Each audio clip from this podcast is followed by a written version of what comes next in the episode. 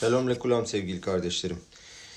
Bu hafta Rav Shabtai Slavtitski'nin e, ondan vaz, e, bahsetmeden yapamayacağım. Onun deraşasını dinledim.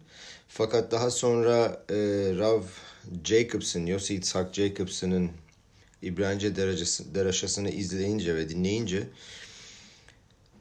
müthiş bir yolculuk yaptırdı bana. Ve e, bu yolculuğu yani e, Pesah Sederi'nin manevi yolculuğunu yaptırdığı için bunları bunu sizinle paylaşmaya karar verdim. Gerçekten eğer bunu basıp yanınıza koyarsanız ve her bir aşamada 15 aşamanın her birisinde ufak tefek altını çizdim bazı şeylerin ama siz de kendi kendinize bir takım şeyler seçebilirsiniz. Bunları masada söyleyebilirsiniz. Bence çok değişik ve farklı bir Pesah sederi olacak. Gelin başlayalım. Rav dersinin başlığını şöyle koymuş. Haga Pesah. Tohnit ha,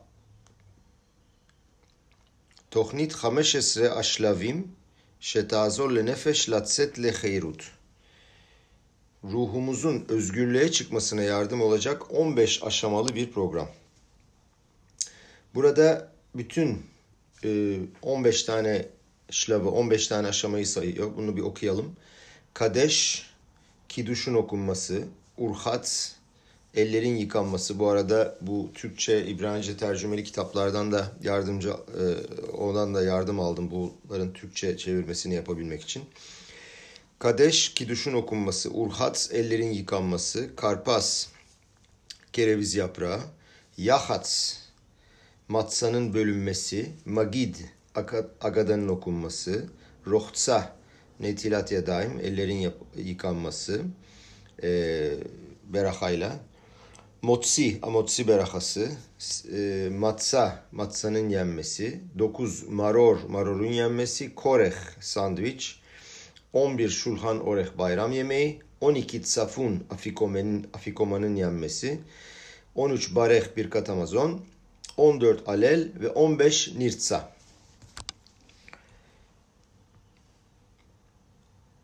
Ee, basit anlamıyla gecenin programı budur diyor Raf.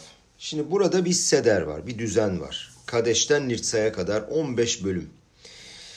Fakat diyor ki Rav Jacobson, e, Yahudilikte ve Tora'da her zaman olduğu gibi daha derin bir bakış açısı vardır. Yani sadece olayın böyle basitçe Tabii ki o da basit değil ama yani Pesah sederini e, fiziksel bir şekilde yapmak ve anlatmak değil tabii anlatacağız ama bunun yanında diyor ki daha derin bir bakış açısı vardır diyor. Sadece pratik ve somut bir program yok. Başta ne yaparız, en sonda ne yaparız, ikinci, üçüncü aşamada neler yaparız. Bu bazen biliyorsunuz sıkıcı olabilir. Çocuklar hadi bir an evvel yemek yiyelim diyebilirler. Fakat Seder'de manevi, ruhani, duygusal ve psikolojik bir içerik de vardır. Seder içsel bir yolculuktur. Zihinsel, ruhsal bir harekettir diyor Rav. Ve burada bu yükseliş yolunda 15 tane aşama var. Karanlıktan ışığa, galuttan yani sürgünden geulaya, kurtuluşa. Bechol dor vador hayav adam lirot et atzmo keilu u atzmo o hi atzma yatsu mi Mitzrayim. Her devirde adam veya kadın sanki kendini Mısır'dan çıkıyormuş gibi, kendisi çıkıyormuş gibi görmesi lazım. Ve her birimizin içinde kardeşlerim Mitzrayim vardır. Mitzrayim'in anlamı e, bizi sınırlayan limitler, sınırlar. Beni zincirleyen şeyler diyor Rav. Ruhuma zarar veren şeyler. Bu arada Rav Jacobson e, söylemeden edemeyeceğim. E, Amerikalı olmasına rağmen inanılmaz zengin bir İbranicesi var. Ve inanın ki e, söylediği fantastik cümleleri ve kelimeleri tercüme etmek ve doğru anlamda Türkçe'ye çevirmek çok zor. Ya da bana zor geldi. Elimden geldiği kadar e, çevirmeye çalıştım fakat hatalarım olmuştur muhakkak. E, ama e, bence iyi bir çalışma oldu, güzel bir çalışma oldu ve beğeneceğinizi umuyorum. Evet diyor ki e, Rav, beni zincirleyen şeyler var diyor. Ruhuma zarar veren şeyler kendi içimdekileri gerçekleştirmemi, istediğim şeyleri gerçekleştirmemi zorlayan şeyler var. dolu dolu bir hayat yaşamamı, sevinç dolu, anlamlı, özgür bir hayat yaşamamı engelleyen şeyler var ta içimde. İşte diyor buradan yani bu Mitzrayim'den, bu sınırlı ve limitli yerlerden geniş bir alana çıkabilmek için 15 tane aşama var. Ve bu 15 aşamadan adımdan oluşan bir altın program var. Kendi limitlerimden nasıl çıkabilirim? Kendimi bağımlılıklarımdan nasıl serbest bırakabilirim? Etrafımdaki çitleri kırıp parçalayabilmem için ne yapmam lazım? Şimdi burada mesela fantastik bir cümle var. Bizi çevreleyen klipa, kabukların içinden ışık delikleri oluşturabilmek için, benim içimde var olan o sonsuz ışığı dışarı çıkarabilmek için. İçimizde bir hayat sevinci ve ruhani dinginlik var aslında. Ve bu dünyadaki hedefimize ulaşabilme kabiliyetimizi serbest bırakmamız lazım. Bu küçüklük kompleksimizden, egomuzdan, korkularımızdan, travmalarımızdan ve yaralarımızdan kurtulabilmemiz lazım. İşte burada Yadut bize 15 adımlık bir program veriyor. Bu Seder gecesinin işaretleri, yapacağımız aşamalar, davranış ve farkındalıkta ulaşabileceğimiz yol taşları. Bu derste göreceğimiz şeyler, Rav Jacobson'ın anlattığı şeyler diyor ki birkaç nesil boyunca yapılmış olan açıklamalar üzerine oturtulmuştur. Ee, Rabbi Haim Yosef Azulay, Hida, onun açıklamaları ve türlü kabalistik ve hasidik yorumlar kullanılmıştır. Gelin bu yolculuğa birlikte çıkalım bu girişten sonra. Kadeş. Nedir kadeş? Kiduş yapıyoruz. Günü mübarek kılıyoruz. Bayramı kutsuyoruz. Yani evde mübarek bir gün olduğunu ilan ediyoruz. Değişik bir hava var. Hayatımızda özgürlüğü bulmak istiyoruz.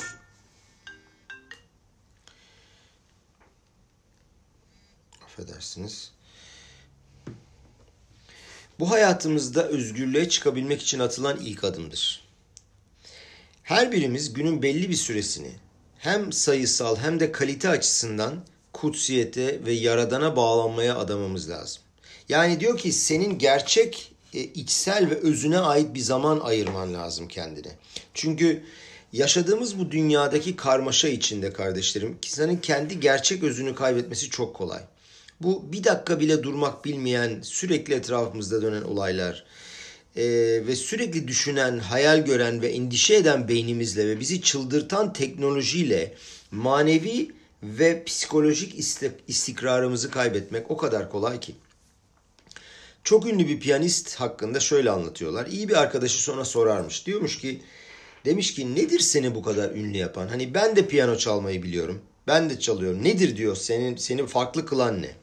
Ünlü piyanist şöyle cevap verir. Seninle benim aramızdaki fark benim verdiğim aralıklardır, pauzalardır. Senle aramızda fark yazılı olan notaları piyanoda nasıl çaldığımızla alakalı değildir.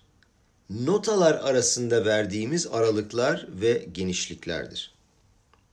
Kadeş diyor ki hayatında belli bir zamana ihtiyacın var. Sana adanmış, senin için ayrılmış birkaç dakika. Bağlılık ve samimiyet zamanı. Bu zaman zarfında kendi köküne bağlanıyorsun. Hayatının anlamına bağlanıyorsun. Bore Olam yaradan Yahudi'ye, ilk Yahudi'ye şöyle söyledi. Leh leha. Tüm hayat bir yürüyüştür, bir gidiştir, bir yolculuktur. Fakat senin kendine gitmen lazım. Leh leha. Acaba sen yürüyüp gidip kendinden uzaklaşıyor musun bu hayatta? Yoksa yürüyüşün gidişin kendine, kendi özüne ve esasına doğru mu? Kendi hayat köküne, kaynağına bağlanıyor musun? Tam da çiftlerin hayatında olduğu gibi. Bazen bir çift beraber alışverişe çıkarlar mesela. Erkek sanır ki işte birkaç saat böyle güzel vakit geçirdiler. Halbuki kadın ona şöyle der. Bak der. Eğer birkaç dakikalık bağlılık, samimiyet ve seninle benim birbirimize bağlı olduğumuz bir zaman adarsak kendimize esas olan budur. Kendi şahsımıza ait bir zaman olsun, topluma ait değil. Rabbi Milubabic şöyle bir açıklama yapıyor. Midraş'ta şöyle yazar. Akadosh Baruhu İsrail halkına şöyle söylüyor. Pitchuli kehuda shel mahat ve ani eftah lachem ke pitcho shel olam. Bana bir iğnenin aralığı kadar bir kapı aç, ben size dünyanın açılışı kadar yer açayım. Bana bir beş dakika ver diyor Akadosh Baruhu ama o beş dakikayı bana ayır. İğne aralığı kadar olsun ama benim için olsun. Ben aslında bir yere koşmamam lazım. Ben bir yere kaçmıyorum. Ben kendime bağlı olmam lazım. Hem kalbinin hem de günlük programının gündeminin içinde bir yerleri böyle kazman, delmen, oraya nakşetmen lazım. Senin biraz kutsiyete, bağlılığa, düşünceye, meditasyona, duaya, toraya, kendin ve kendi iç güçlerinle, ruhunla, Tanrı'yla birlikte samimi bir buluşmaya, beynha u beyn atzmeha, samimi bir buluşma yapmaya ihtiyacın var. Şira Şirim'de şöyle bir söylem vardır. Eyne hayonim leistakel bekore de malka. Nasıl ki diyor bir çift güvercin birbirlerine bakıyorlarsa, senin de bu yukarıda söylediğimiz kavramlarında, kavramların eşliğinde gözlerinin içine bakman lazım. Kendi zenginliklerin içinde olan zenginliklerin içine bakmak için zaman ayır kendine. Beş dakika bile olsa. İtbonenut da diyorlar buna. Geldik ikinci aşamaya ruhat. Nedir ruhat? Ellerimizi yıkıyoruz. Akadosh Baruch evlatlarına diyor ki eğer diyor beni mübarek kılmak istiyorsanız önce kendinizi bir yıkamanız lazım. Elleriniz temiz olsun. Yeşayahu peygamberin dediği gibi rahat su. Ellerinizi her türlü pislikten, kirlikten temizleyin. Kardeşlerim hayatımızı temizlememiz lazım. Yalanlardan, dedikodudan, başkası için kötü konuşmaktan, laşonaradan, temiz olmayan, kibar olmayan laflardan, konuşmalardan, ihanetten, yıkıcı bağımlılıklardan, etik ve ahlaki olmayan ilişkilerden. Eğer biz bunlardan kendimizi temizlemezsek serbest kalamayız. Hür olamayız. Eğer ben yalan söylüyorsam, bu beyaz yalanlar bile olsa, mesela doktoru arayıp diyorum ki, ya diyorum trafik, tra- trafikte kaldım o yüzden geç kaldım. Aslında doğru değil. Evden geç çıktım. O yüzden geç kalıyorum. Trafik sıkışıklığı yok. Belki var ama bu benim geç kalmam için sebep değil. Söyleme bu yalanları. Eğer çalarsam, insanlarla oyun oynarsam, insanları taciz edersem, onlara kötü davranırsam, herkesi arkasından bıçaklarsam, eşime, arkadaşlarıma, çocuklarıma, aileme yalan söylersem ve ben eğer sözlerim ve yaptıklarım konusunda güvenilmez isem, dürüst bir insan değilsem o zaman ellerim pis demektir kendi karanlık yerlerimden nasıl çıkabilirim? İlk olarak ellerimizin temiz olması lazım. Neki kapayım uvar levav. Elleri temiz ve kalbi saf olan insan ancak Tanrı'yı mübarek, edebilir, mübarek kılabilir. Evet geliyoruz şimdi üçüncü aşamaya. Karpas. Nedir karpas? Kereviz yaprağı. Alırız kereviz yaprağını ve tuzlu suya batırırız. Bazıları tuzlu suya bazıları sirkeye herkes geleneğine göre. Sonra ne yaparız? Baruch ata Hashem Elokeinu melech haolam. Bore peri adama berakasını söyleyip yeriz. Şimdi bu alçakta toprağa yakın yerde büyümüş olan sebze topraktan yaratılmış olan insan vücudunu sembolize eder. Aynı sebze gibi. Vayitser Hashem Elokim et adam afar mine adama ve yipah beapav nişmat hayim. Ve Akadosh Baruhu Tanrı adamı toprağın tozundan şekillendirdi. Nasıl ki kereviz yaprağı topraktan şekillendiyse, geldiyse bile. Ve burun deliklerine bir yaşam nefesi üfledi. Karpası. Sebzeyi alıyoruz. Yani insan vücudunu alıyoruz. Rambam'ın dediğine göre mey adat ataor, saf akıl ve bilinç suyunun içine batırıyoruz. Düşünün ki o zaman karpası batırırken sanki kendi vücudunuzu suyun içine sokup e, arındırıyormuş gibi düşünün. En maim ela Tora. Su Tora'yı sembolize eder. Su bilgeliğe, ilhama, yaşamsallığa, yaşamsallığa ve canlılığa tekabül eder. Çünkü Yahudilikte en kera ben guf ve nefeş. Bu da önemli bir laf. Bedenle ruh arasında soğukluk yoktur. İnsanı zincirleyen, hayatını karanlıklaştıran, onu ruhsal, duygusal ve maddi bir sürgüne sokan şeylerden bir tanesi soğukluktur ve insanın kişiliğinde olan bölünmedir. Yahudilikte beden ruh kadar kutsaldır ve ikisi birlikte ancak yaratılışın amacını ve görevlerini ifade ederler. Vücut ruha giden bir kanaldır. Biz bu dünyadaki görevimizi vücudumuz yoluyla gerçekleştiririz. Yahudilikte ikisi arasında bir ayrım, bölünme ve kopukluk kesinlikle yoktur. Şıma İsrail Aşem Elokenu Aşem Ehad. Yahudiliğin motosudur biliyorsunuz. Aşem Ehad'dır, tektir. Ve bu teklik hem maddi hem manevi dünyanın içine girmiştir. Tanrı ruhun kendi özelliğini, ruhaniliğini, amacını açığa çıkarmasını istemiştir. Ama bunun yanında vücudun da tanrısal görevini maddiatta, fiziksellikte açığa çıkarmasını istemiştir. Aslında kardeşlerim vücut özünde ve esasında çok çok değerlidir. Hasidut buna çok çok önem veriyor. Temiz ve saftır. Vücuda değerini ve saygıyı göstermek lazım. Vücudun dilini duymak lazım ve vücudun içinde süre gelen her türlü hareketi iyi tanımak ve hassasiyet göstermek lazım. Ee, bunun için biliyorsunuz Teşuva'nın, e, Orota Teşuva'da e, demişti ki e, Rav Kuk, önce vücudun teşubası lazım. Yani önce kendi bedeninize iyi bakmanız lazım. Zararlı yemekler yememeniz lazım, sigara içmemeniz lazım, egzersiz yapmanız lazım. Önce bu. Dolayısıyla vücut gerçekten çok önemli Yahudut'ta. Ani ve rohev Ani ve rohev ala hamor. Ben eşeğin üstüne bineceğim. Navi İsahar Melech HaMaşiyah için böyle yazar. Yani Maşiyah eşeğin üstüne gelecek. Bilirsiniz meşhur laf bu. Maral Miprak da şöyle izah eder. Diyor ki hamor, homer kelimesiyle aynı harflerden oluşur. Yani homer maddiyat.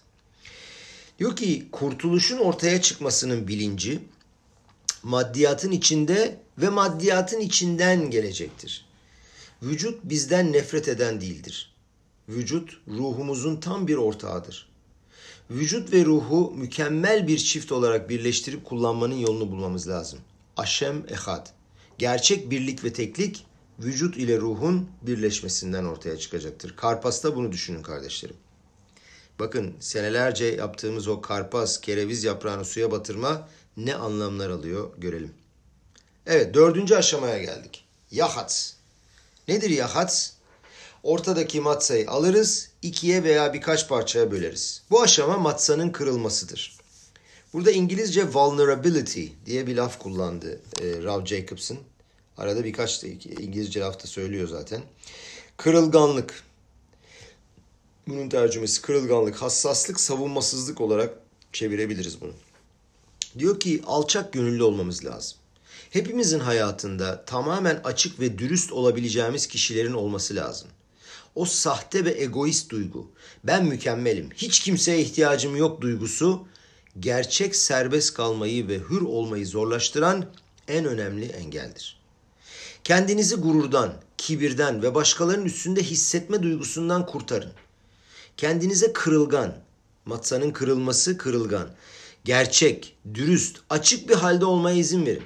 Bu sizi örten, kapalı, kapatan örtüler olmadan, tıkanıklıklar, engeller olmadan.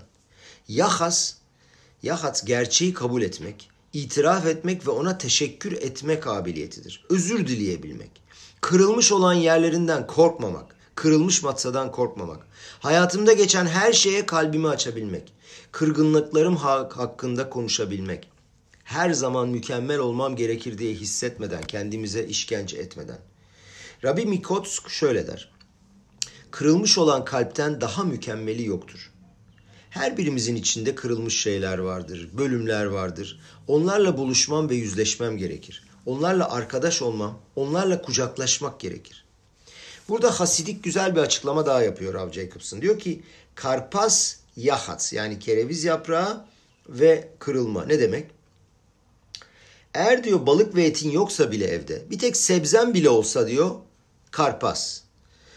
Ya bir tek karpasın olsa bile böyle bir durum olsa bile yahats mitzvasını yerine getirmen lazım. Ne yapman lazım? Bunu senden daha fakir bir kişiyle paylaşabilmek. Ve hafta lereha kamoha. Arkadaşını kendin gibi sev. Evet şimdi matsayı kırdık nereye geldik? Magid. Nedir magid? Agada'yı birlikte okumak. Ve igadeta lebinha bayomahu lemor bavurze asa Hashem li betseti mi. Çocuklarını anlatacaksın. O gün Tanrı beni Mısır'dan bunun için çıkardı. Bu büyük bir temeldir kardeşlerim. Hayatının Mısır'dan, Mitzrayim'den, limitlerinden çıkışı o günde, o çıktığımız günde, açılım ve büyüme gününde. Bakın burada sadece e, Mitzrayim hayatından, Mitzrayim'den çıkıştan bahsetmiyoruz. Kolektif ve şahsi hikayemizi de anlatma zamanıdır. Burası çok önemli. Kendimize ve çocuklarımıza kimliğimizi tanıtma zamanıdır. Biz kimiz? Nereden geldiğimizi bilelim, nereye gideceğimizi bilmek için. Kendi hikayemizi anlatma ve kendi hikayemize bağlanma fırsatımız var. Bu hikayeyi ve bu hikayenin içindeki avantajları bir sonraki nesle bahşedebilmek, onları bundan faydalandırabilmek. 3000 seneden daha fazla bir süre zarfında biz halk olarak varız bu dünyada. Uzun tarihimiz boyunca olabilecek her türden düşüşler, kovulmalar, eziyetler, sıkıntılar yaşadık fakat hayatta kaldık. İnanç içinde kanımız döküldü. Derin bir bilgelik ve adanmışlık yaşadık. Ama bütün bunlara rağmen buradayız ve gelişiyoruz ve yeşeriyoruz. Bizim varoluşumuz sevginin, umudun, birleşmenin, inancın kaynağıdır. Moşe Rabenu'nun Mısır çıkışında İsrail halkına vermiş olduğu mitva için kendini feda etmek. İki kelime. Ve igadita lebinha. Çocuklarına anlatacaksın.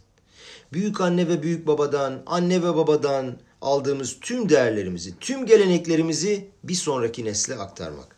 Ve şinantam levaneha ve limadıtam otam et benechem ledaber bam beşifteha beveteha uvlechteha baderech uvşohbeha uvkumeha. Biliyorsunuz şemada okunan meşhur sözcükler bunlar.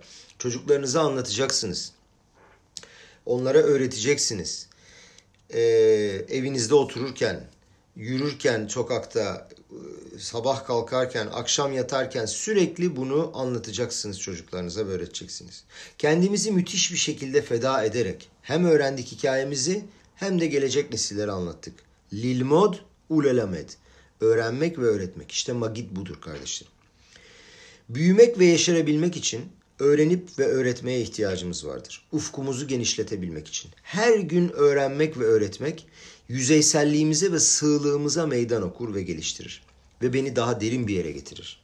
Tora öğrenip öğretmeden hiçbir gün geçirmeyin sonsuza kadar sürecek olan mirasımıza ve ülkemize geri dönelmemizin bir sebebi sürgünde olduğumuz 2000 sene boyunca atalarımızın ülkemizin hikayesini öğrenme ve öğretmeye arar vermemelidir. Yani sürekli Eretz İsrail için bahsetmişizdir bu 2000 senelik Galut zamanında. Avrupa'da, Afrika'da, Asya'da, Rusya, Ukrayna, Macaristan, Polonya, Doğu kökenli Yahudiler, Kuzey Afrika, İran, Irak, Yahudiler geceler boyunca oturdular ve öğrendiler.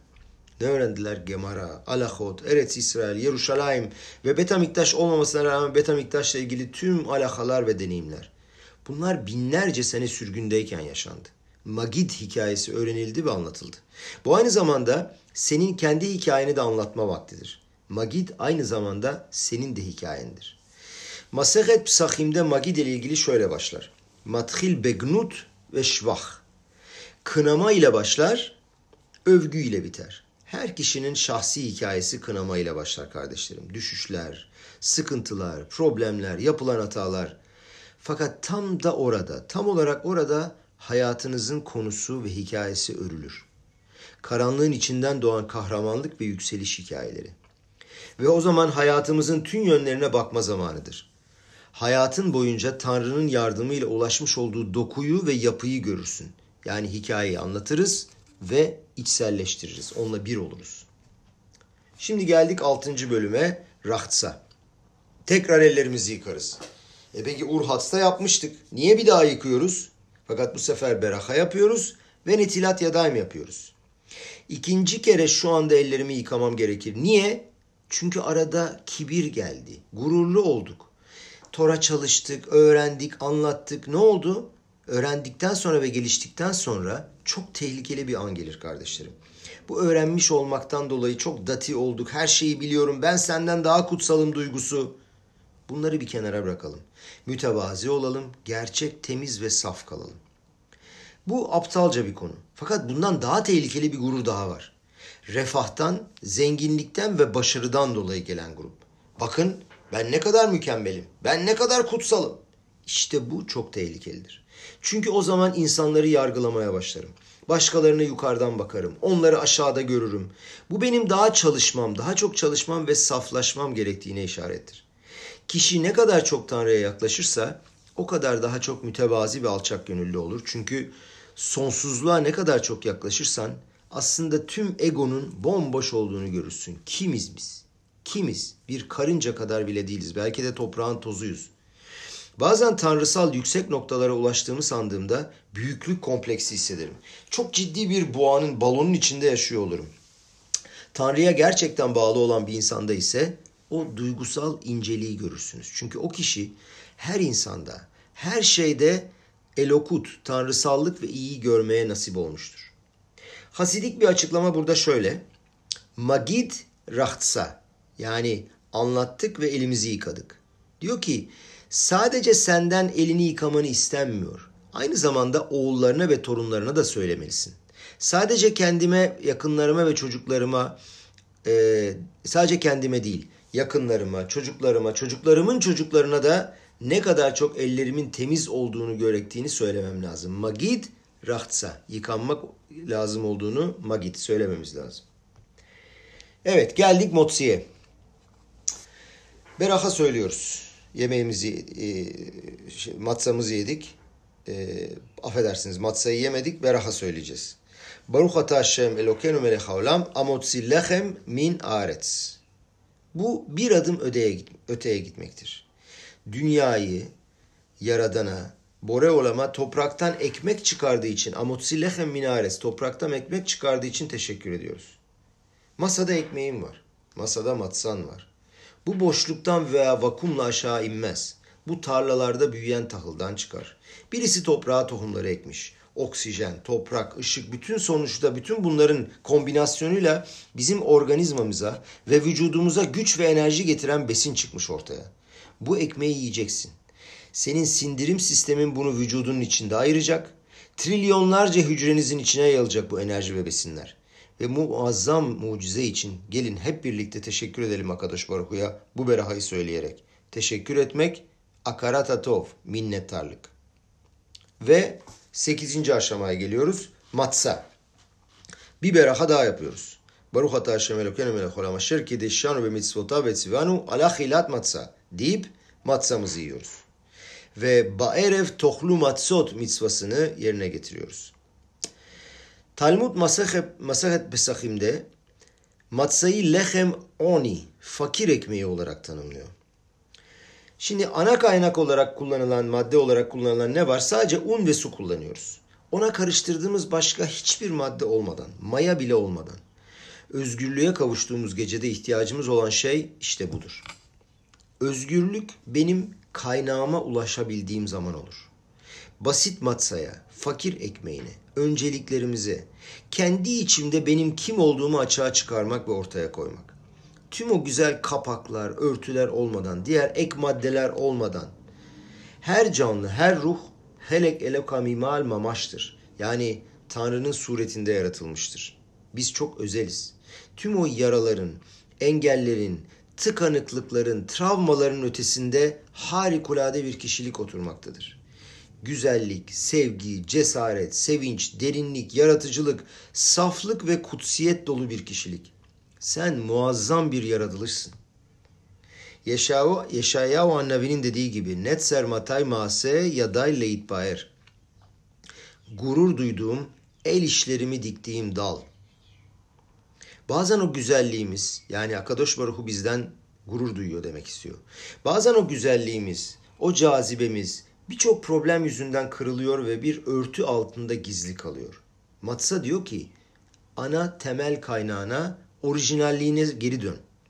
Orada sonsuz ışığın yansıdığı yüksek do- e, dünyaların şekillenmesi olarak ortaya çıkacaksın. İşte bu laflar mesela orijinal cümleler.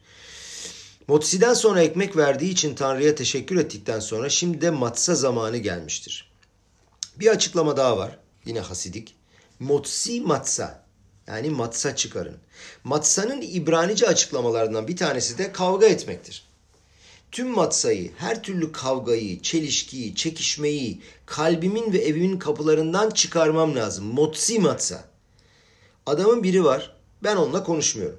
Var mı böyle bir şey? Hayır efendim, sen nasıl konuşmazsın? Eğer ki kardeşine, anne babana, yengene, eniştene, ailenden birine, arkadaşlarından birine konuşmuyorsan, ağzından bir laf çıkarmıyorsan o zaman senin kendi Mitzrayim'inden çıkman mümkün değildir. Fikir ayrılıkları olsa bile. Tabii ki şiddet olan yerlerden bahsetmiyoruz diyor Rab. Çünkü istisnai durumlar olabilir ve bu durumlarda maddi ve manevi tehlikeler olabilir. Aşırı durumlardan bahsetmiyoruz. Fakat bunun yanında ailenin içinde bir takım çelişkiler, bir takım fikir ayrılıkları olabilir. Ve ben eğer kalbimden kavga etme fikrini çıkarıyorsam ancak o zaman serbest kalabilirim ve ancak o zaman gerçek özgürlüğe kavuşabilirim. Ben artık o kavgalara, tartışmalara girmiyorum. Başkalarından özür dileme ile ilgili hiçbir problemim yok. Biliyorsunuz özür dilemek en zor şeylerden biri. Tamam diyor Rav, illa ki dünyadaki en iyi arkadaşlar olmak zorunda değiliz ama bir şabat şalom diyebilmeliyiz. Diğerinin evine gidip onların sevinçlerine iştirak edebiliriz. Edebilmeliyiz. Totsimatsa tüm kavgaları içinden çıkar. Bir açıklama daha var. Yine motsimatsa nedir? Bu hayattan çıkarabileceğin her şeyi çıkar. Extract de diyor İngilizce. Bir de lehalets galiba İbrancesi emin değilim. Ee, yanılmıyorsam lehalets. Diyor ki başarılı ol. Geliş, büyü.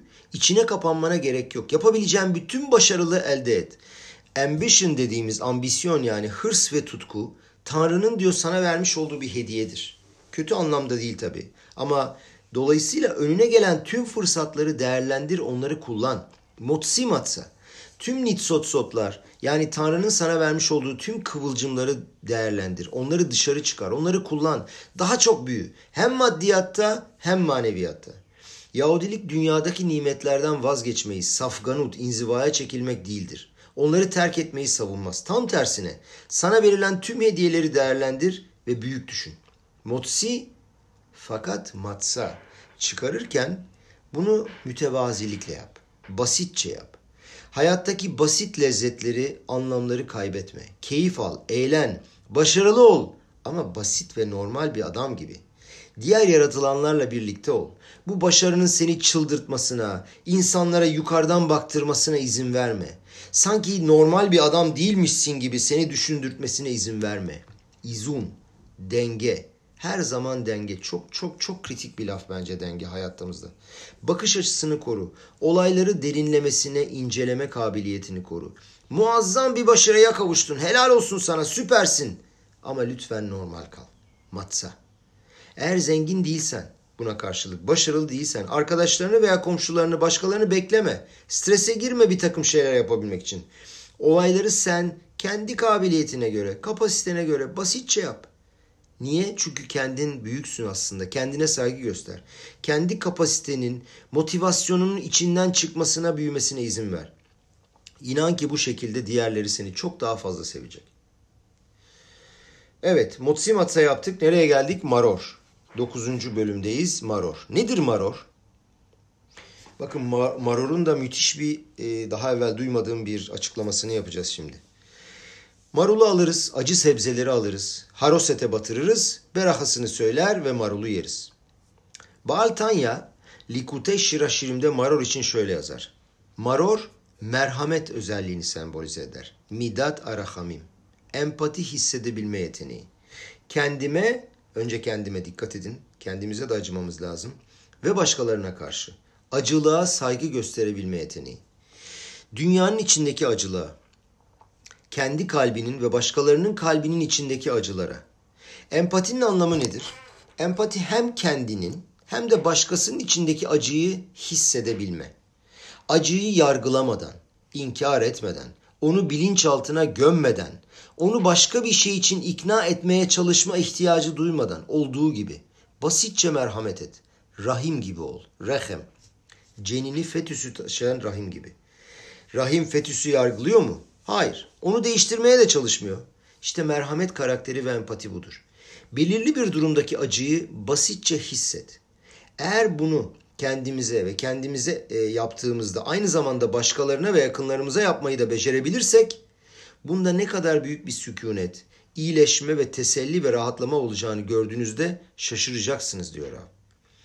Başkaları için onların yanında bulunmak müthiş bir hediyedir karın için, kocan için, çocuklar için, arkadaşların için karşısındakinin gözlerinin içine bakıp ben senin için buradayım diyebilmek.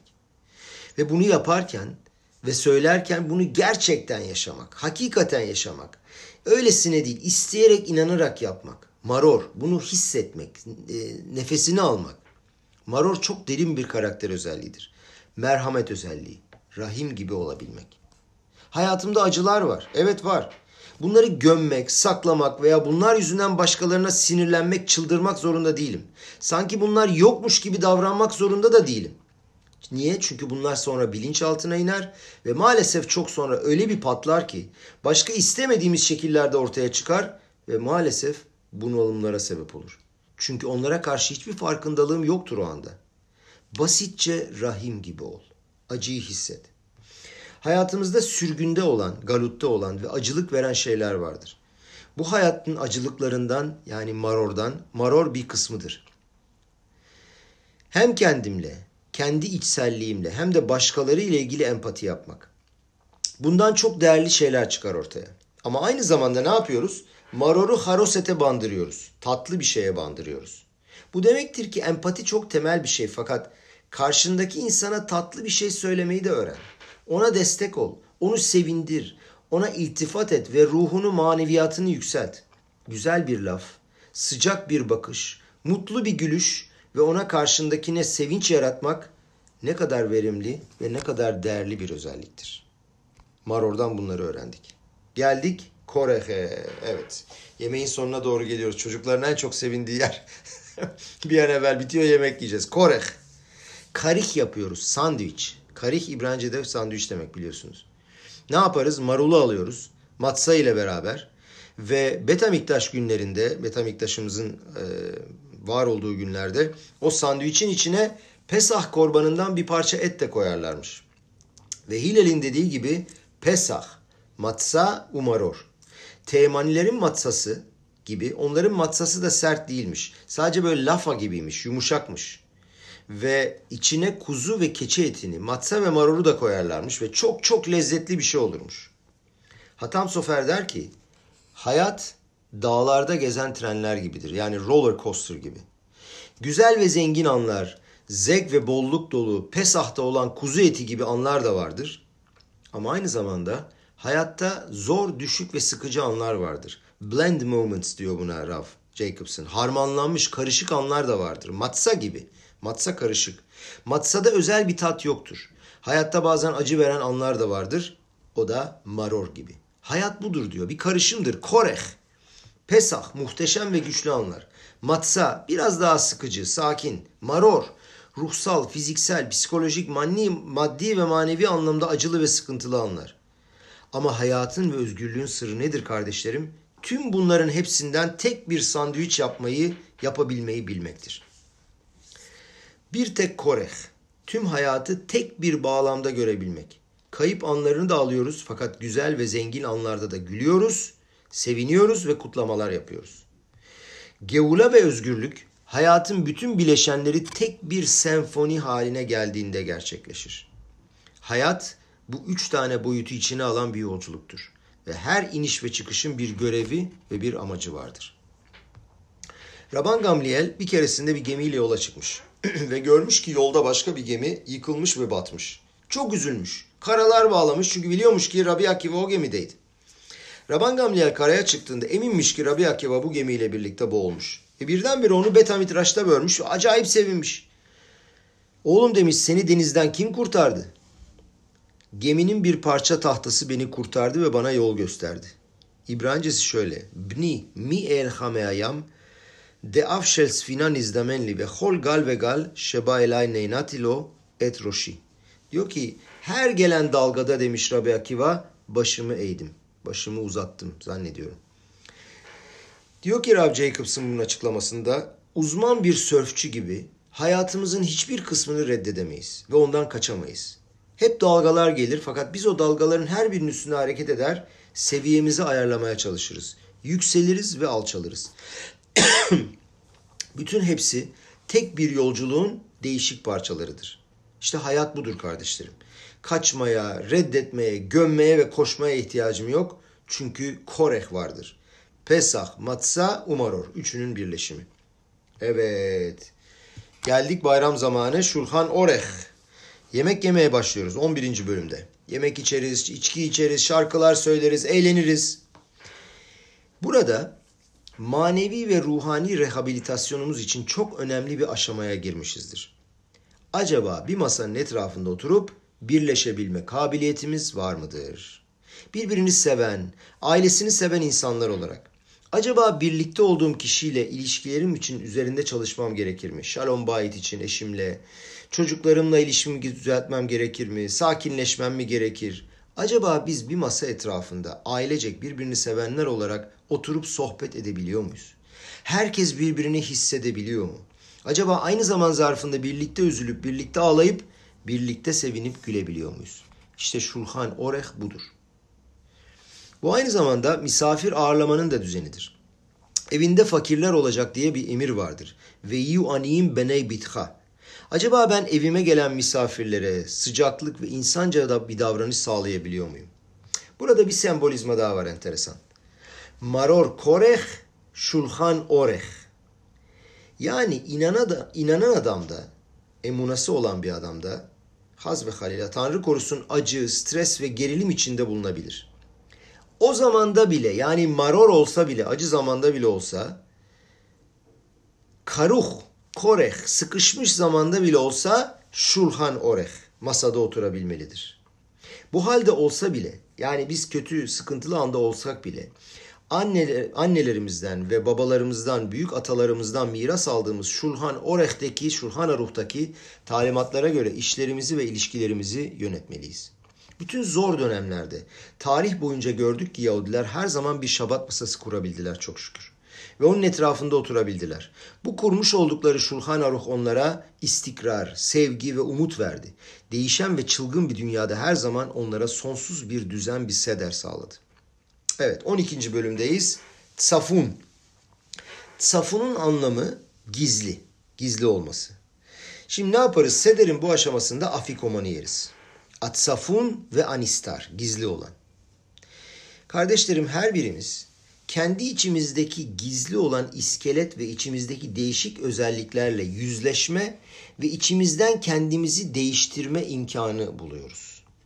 İçimizde birçok şey gömülmüş çok gömülmüş şeyler var. Biz bunları görmüyoruz ama bunlar bilinçaltımızda yerleşmişlerdir. Safundur, gizlidir. Bende travmalar var, bambaşka duygular var, yaralar var.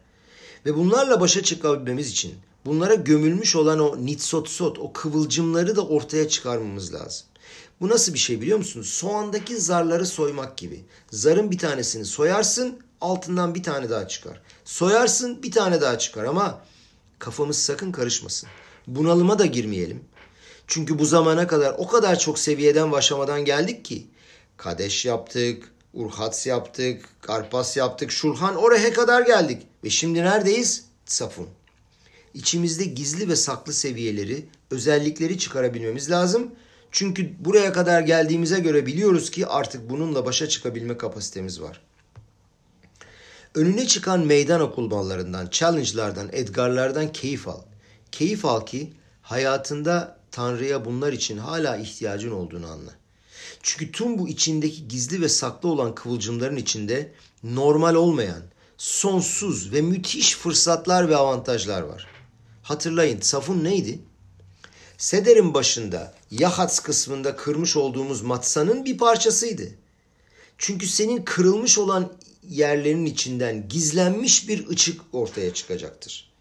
Ne çıkacaktır? Orat safun, or aganuz. Gizli olan müthiş enerji dolu ışık.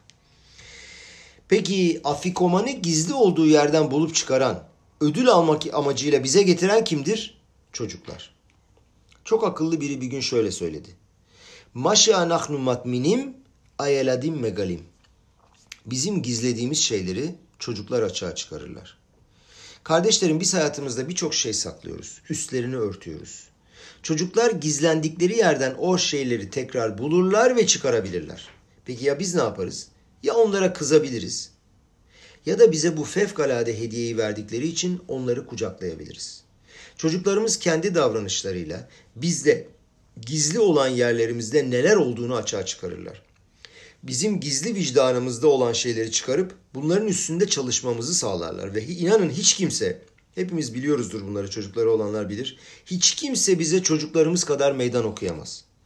Dünyadaki hiç kimse çocuklarım kadar benim bu en derindeki yerlere inip onları ortaya çıkarmama, neler olduğunu anlamama ve bunların üzerinde çalışmama yardımcı olamaz. Çocuklara ben çok kızıyorsam onlar birçok şeyi tetikledikleri için. Ama eğer ben kalbimi temizlersem o zaman her şey ortaya çıkacaktır. Matsa bize bir şeyi daha sembolize eder. Bu yiyeceği biz millet bir tam bir millet ve halk haline dönüştüğümüz zaman yedik. Yetsiyat Misraim'de o gece. Bu yiyecek bize uzun yolculuğumuzda eşlik etti. Zohar Akadosh şöyle der. Ohel miemuna, mihla demnuta. Yani inanç yemeğidir aynı zamanda. Sadece lehem oni değil, sadece fakir ekmeği değil, inanç yemeğidir. Matsa İsrail halkının besinidir. Fakat bizim fakat bizim matsamız bölünmüştür. Yahats. Yemek bölündü. Tüm tarihimiz boyunca İsrail halkı birçok kısma, birçok parçaya bölünmüştür. Burada bir sembolizmadan daha bahsediyoruz. bahsediyoruz. Yani matsanın bölünmesi, İsrail halkının da birkaç parçaya bölünmesi. Her kabilenin başka bir ismi vardır. Dati var, daha çok dati var. Hiloni, daha hiloni. O bir yönde, bu başka yönde. Fakat Seder'in sonunda ne hatırlıyoruz? Matsanın parçalarının hepsini birleştirmemiz lazım. Gidip çıkıp Afikoman'ı ararız ve onu geri getiririz. Nereye? İsrail halkının büyük Şurhan Orehine. Bu masada her bir neşamaya bir iskemle bir yer vardır. Her tür kişilikte fark gözetmeden, yaş, parti, eğitim, hayat tarzı gözetmeden herkese bir yer var bu masada. Yalnızca kardeşlik ve İsrail sevgisiyle bu gecenin düzenini bitirebiliriz. Galut'tan Geula'ya, sürgünden özgürlüğe. Nereye geldik? Bareh. Bareh bir kat Amazon zamanı. Bize vermiş olduğu yemek için, besin için Tanrı'yı mübarek kılıyoruz. Bu minnettarlık Akarata Tof karakterli özelliği içinde kökünü bulur. Sana tüm hayatın boyunca verilmiş olan berekete teşekkür et. Nefes alabilme imkanından akşam yatabilecek bir yatağın olduğu gerçeğine kadar. Gezegenimiz her gün, her saat, her saniye olması gerektiği gibi bir faaliyet gösterebildiği için. Etrafınızdaki kişilere, eşinize, çocuklarınıza, annenize, babanıza, evrenin yaratıcısına, liderine teşekkür et. Ve alel 14. kısım. Hayattaki her fırsatın övmek ve yüceltmek için kullanılması lazım. Kola neşama tehaleliya aleluya. Midraş şöyle der. Alkola neşama u neşama diyoruz ya. Alkola neşima u neşima. Yani her aldığın nefes, her aldığın nefes için Tanrı'yı öv. Her olay, her karşılaşma, her deneyim övgü ve teşekkür için bir fırsattır. Çünkü bu dünyayı yaradanı ve onun liderliğini daha derinden tanımak için bir fırsat yaratır bize. Önüne çıkan bazı meydan okuyucu olaylar, zor olaylar, challenging olaylar Tanrı'nın yaratılış içindeki gerçekliğini anlayabilmek ve hissedebilmek için bir fırsattır. Başka bir açıklama daha var burada Hasidik. Tsafun berah. Maror koreh koyreh diye okuyor da. Marur koyreh tsafun beyrah. Yani diyor ki maror neydi hatırlayalım acı. Koreh sıkışmış. Tsafun gizli. Berah da berah teşekkür. Diyor ki acı bir deneyim içinde sıkışmış durumda olsam bile yani maror koreh gizli olanı safunu mübarek kılmak zorundayım berah. Tanrı açık bir şekilde ortaya çıkmasa bile gözlerim onu göremez ve onu anlayamazsam bile bunda bir gerçeklik ve bir iyilik vardır ve bunun için beraha yapmam lazım.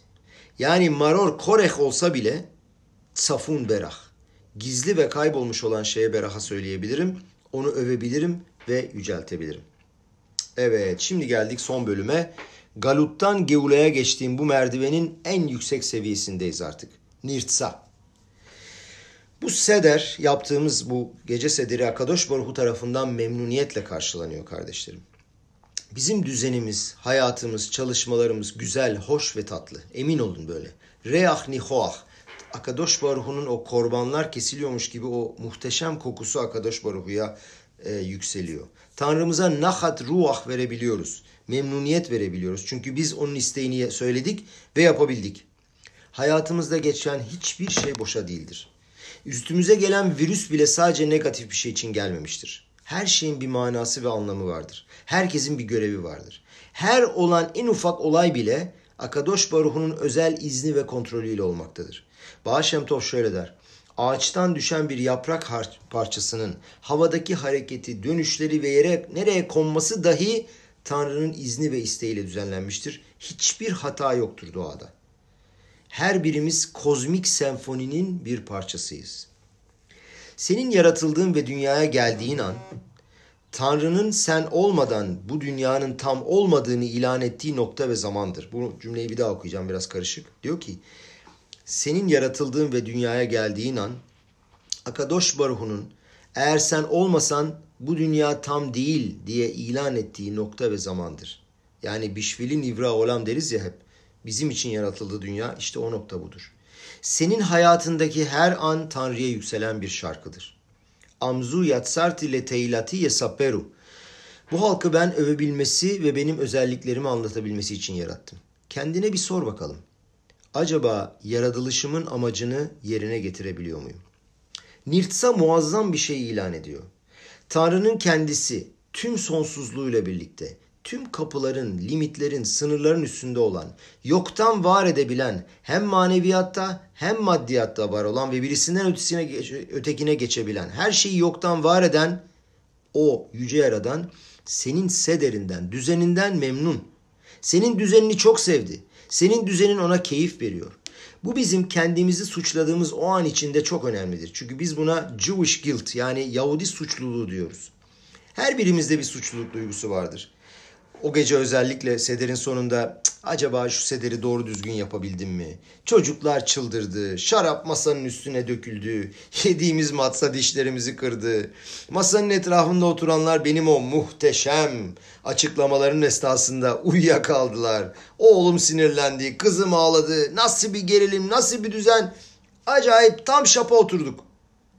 Bunun yüzünden diyoruz ki nirtsa, bir sakinleş. Seder tam da olması gerektiği gibiydi. Seder'in nasıl olması görünmesi gerektiği ile ilgili hiçbir gösterge yoktur. Seder'in açıklaması sakin, gerçek ve samimi bir şekilde yapılmasıdır. Yalan söylemeden. Tüm kalbinle, samimiyetinle gerçekten her şeyini verdin mi? Kendinle, gerçeğinle ve çocuklarının kalbiyle bağlantı ve ilişki kurmaya çalıştın mı? İşte budur. Nirtsa. O senden memnun. Evreni yaradan bunu seviyor. O senin hayatındaki her pozitif hareketi seviyor. Her açığa çıkan, gerçek, dürüst, samimi hareketini seviyor. Nirtsa. Dua edelim kardeşlerim.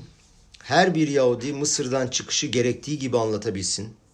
Bu bir merhamet saati olsun ve Mısır'dan çıktığımız zamanki mucizeler gibi tekrar bu mucizeler bize görünsün. Amen ve hen